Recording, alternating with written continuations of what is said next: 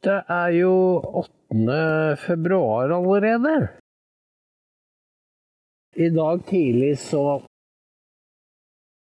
hoppet jeg i stolen, for da i, eh, på, i nyhetene klokka halv sju Fordi da var det om at kristensionistene hadde fått økt tilstrømming og donasjoner pga. Gaza. Og da var det eh, ut fra at Israel har rett til ikke bare hele Israel, altså Vestbredden og Gaza, men også deler av Jordan, Irak og Syria. Altså dette Stor-Israel som man holdt på med under Sharon.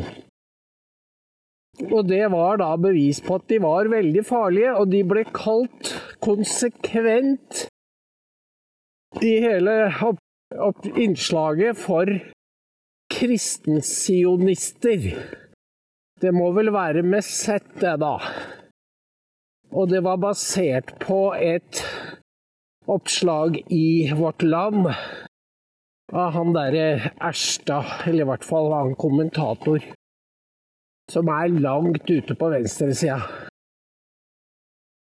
Og alltid når NRK lager et sånt innslag, så mystifiserer de. de det var riktignok en fra den eh, kristne ambassaden eh, som het Juliussen, som slapp til men eh, for den helhetsinntrykket var jo at dette var farlige folk. Som da ikke er villige til å kritisere Israel, men tvert imot ønsker at de skal utbre seg og herske over palestinerne. Det var budskapet. Og det er selvsagt koblet opp mot at det sitter to statsråder i regjeringen som forsvarer er helt på settlernes side. Det narrativet har vi hørt lenge. Nå er det kaldt, faktisk. Så innslaget var en advarsel mot kristne som forsvarer Israel.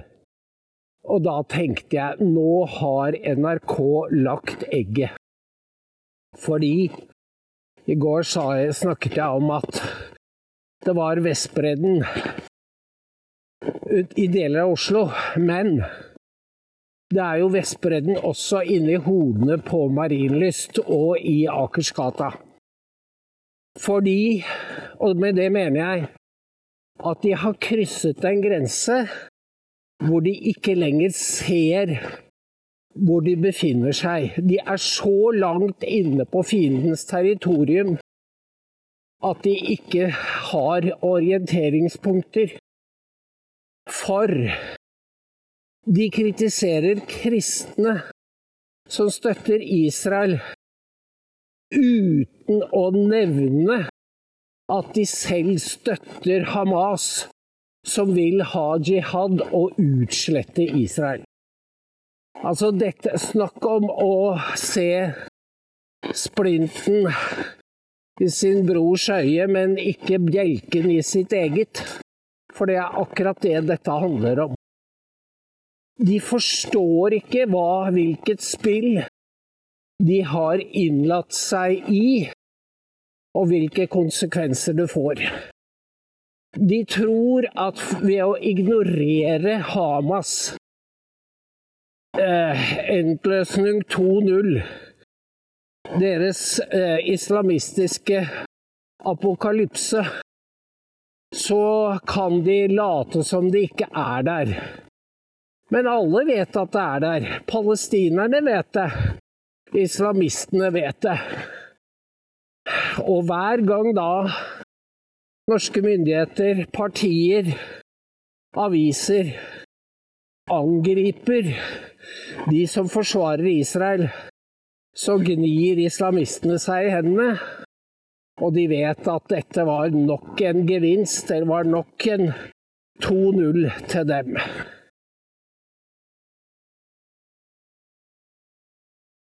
Det er helt ufattelig for meg at norske partier som SV kan tro Eller Rødt, var, Rødt også var det i dag. Det var Ingrid Fiskå, og det var SV. At de kan tro at de kan holde på å leke med ilden uten at de brenner seg. Det er som om de ikke har forstått hva 7. oktober var, og at det kommer mer.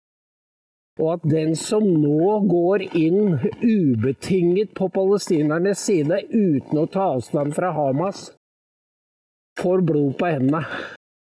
For det kommer Det vil bli utgitt mer jødisk blod, garantert, i Europa og USA. Og da har Ingrid Fiskå og SV blod på hendene. Og Barth Eide går ikke fri, han heller. Hvis du skal gjøre noe for palestinerne, så må du trekke et stort skille mellom Hamas og palestinerne, og stille politiske krav om at de skal avvæpnes og avsettes, og at det skal velges nye representanter, og inntil da så må det være et administrasjonsråd. Men dette tør ikke Barth Eide si, for da er det ikke lenger velkommen i Midtøsten. Da lukker dørene seg. Det han ikke vil forstå, er jo sammenhengen mellom forholdene her hjemme.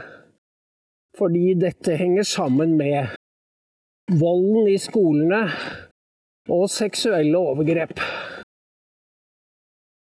Det er den samme mangel på grensesetting som i forhold til palestinerne. Mediene har jo valgt å gjøre journalistikk til motstandskamp. Og det har store implikasjoner for norsk presse og deres forhold til sin egen befolkning. For vi er ikke interessert i å bli å, nedkalle eller bli assosiert med Hamas. Men det er det de har dratt oss inn i. De har dratt oss inn i et spill med mennesker som er monstre. De er monstre, de som angrep Israel. Og de som ikke de som ikke ser det eller vil se det, de vil måtte betale prisen. For vel er Israel fører en, en eh, krig for å vinne, og det har alltid sin pris. Og krig er brutalt. Men det er allikevel ikke i nærheten av det Hamas gjorde 7. oktober. Og hvis du ikke forstår det, så forstår du ikke forskjellen på krig og bevisst bestialitet. Det er noe helt annet. Jeg legger merke til at NTB og NRK hele tiden sier de siterer helsemyndighetene uten å nevne Hamas, mens de trekker alt som kommer fra Israel i tvil. For det er da udokumenterbare påstander.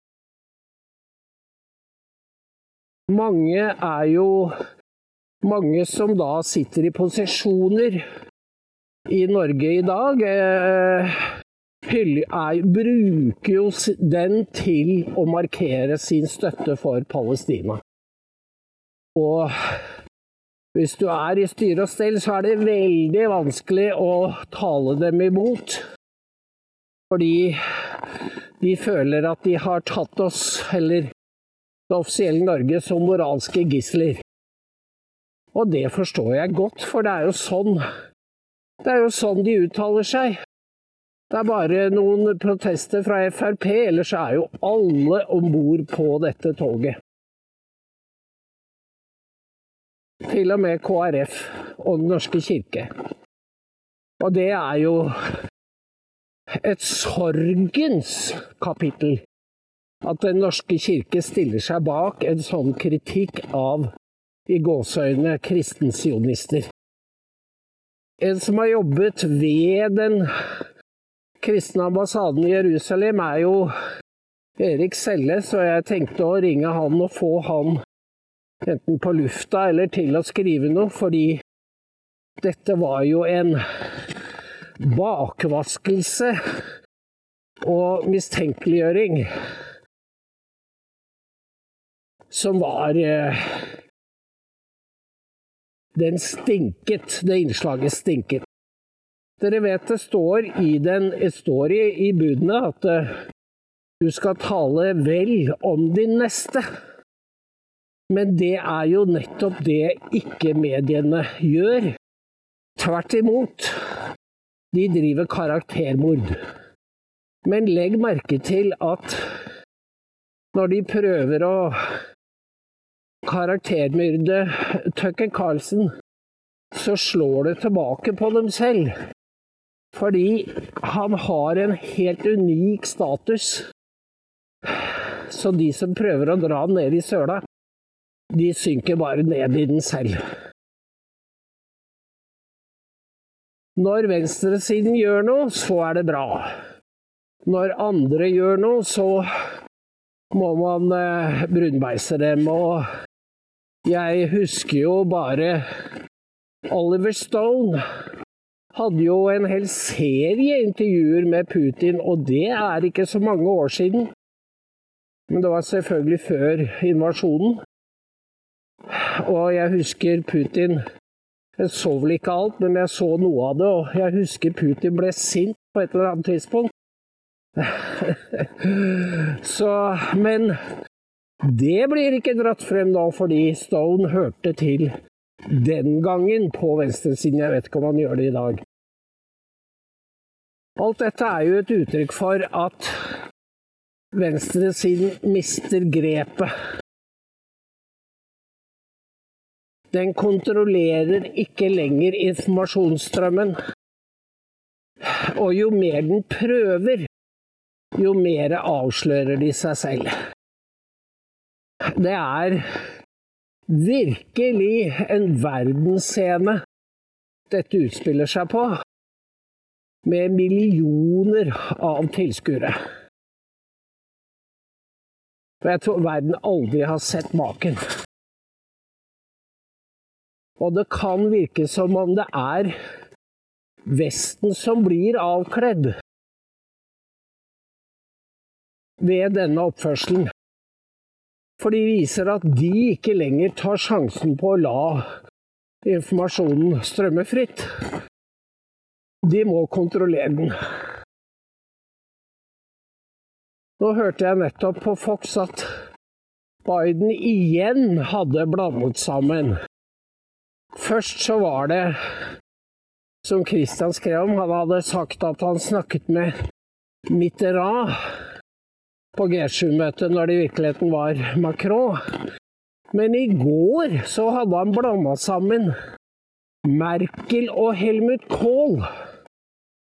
Og mens den flausa ble rettet opp i transkripsjonen av første tale, så gjorde man ikke det i går når han kjørte noen kilometer og så holdt samme tale om igjen. Så lot de han si Helmut Kohl.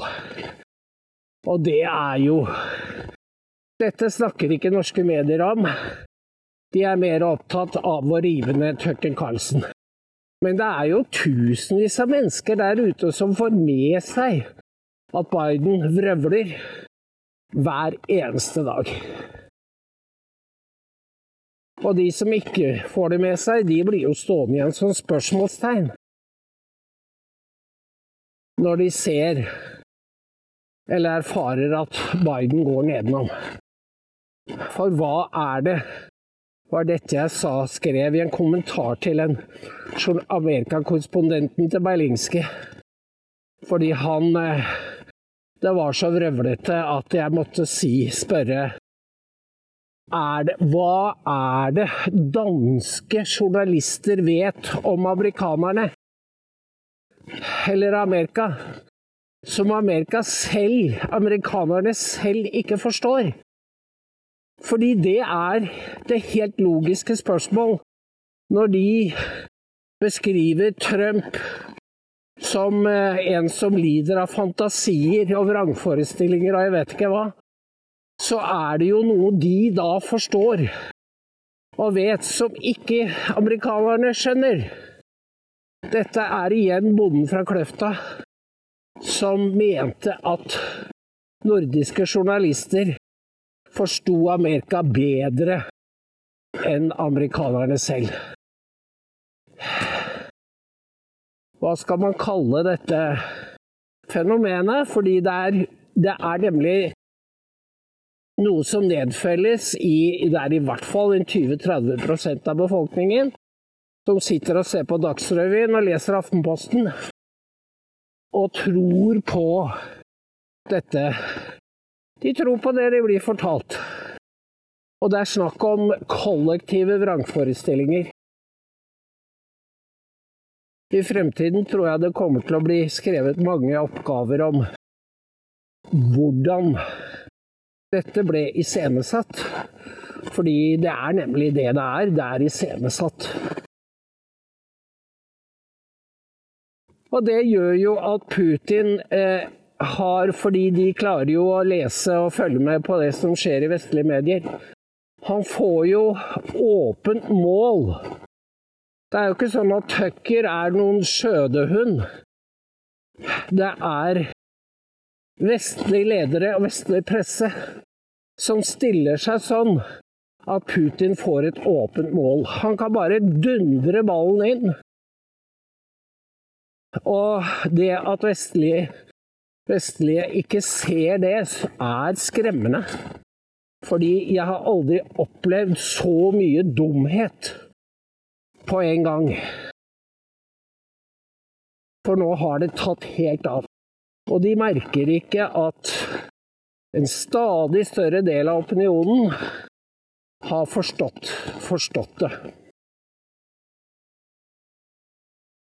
De prøver med forbud og nedlukninger, og skjønner ikke hvorfor de ikke virker. Ja, her går kulda på. Det er vakkert, men uh, Vakkert, men kaldt. Det tenker jeg fikk være dagens lille epistel oppe fra skogen.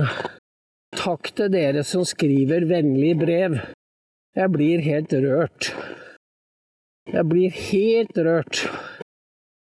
Og det er en stor det er en stor gave å få lov til å gjøre disse programmene. Takk for nå. Det er fortsatt VIPS 13629. Og så sier vi takk for i dag. Vi ses i morgen. Takk.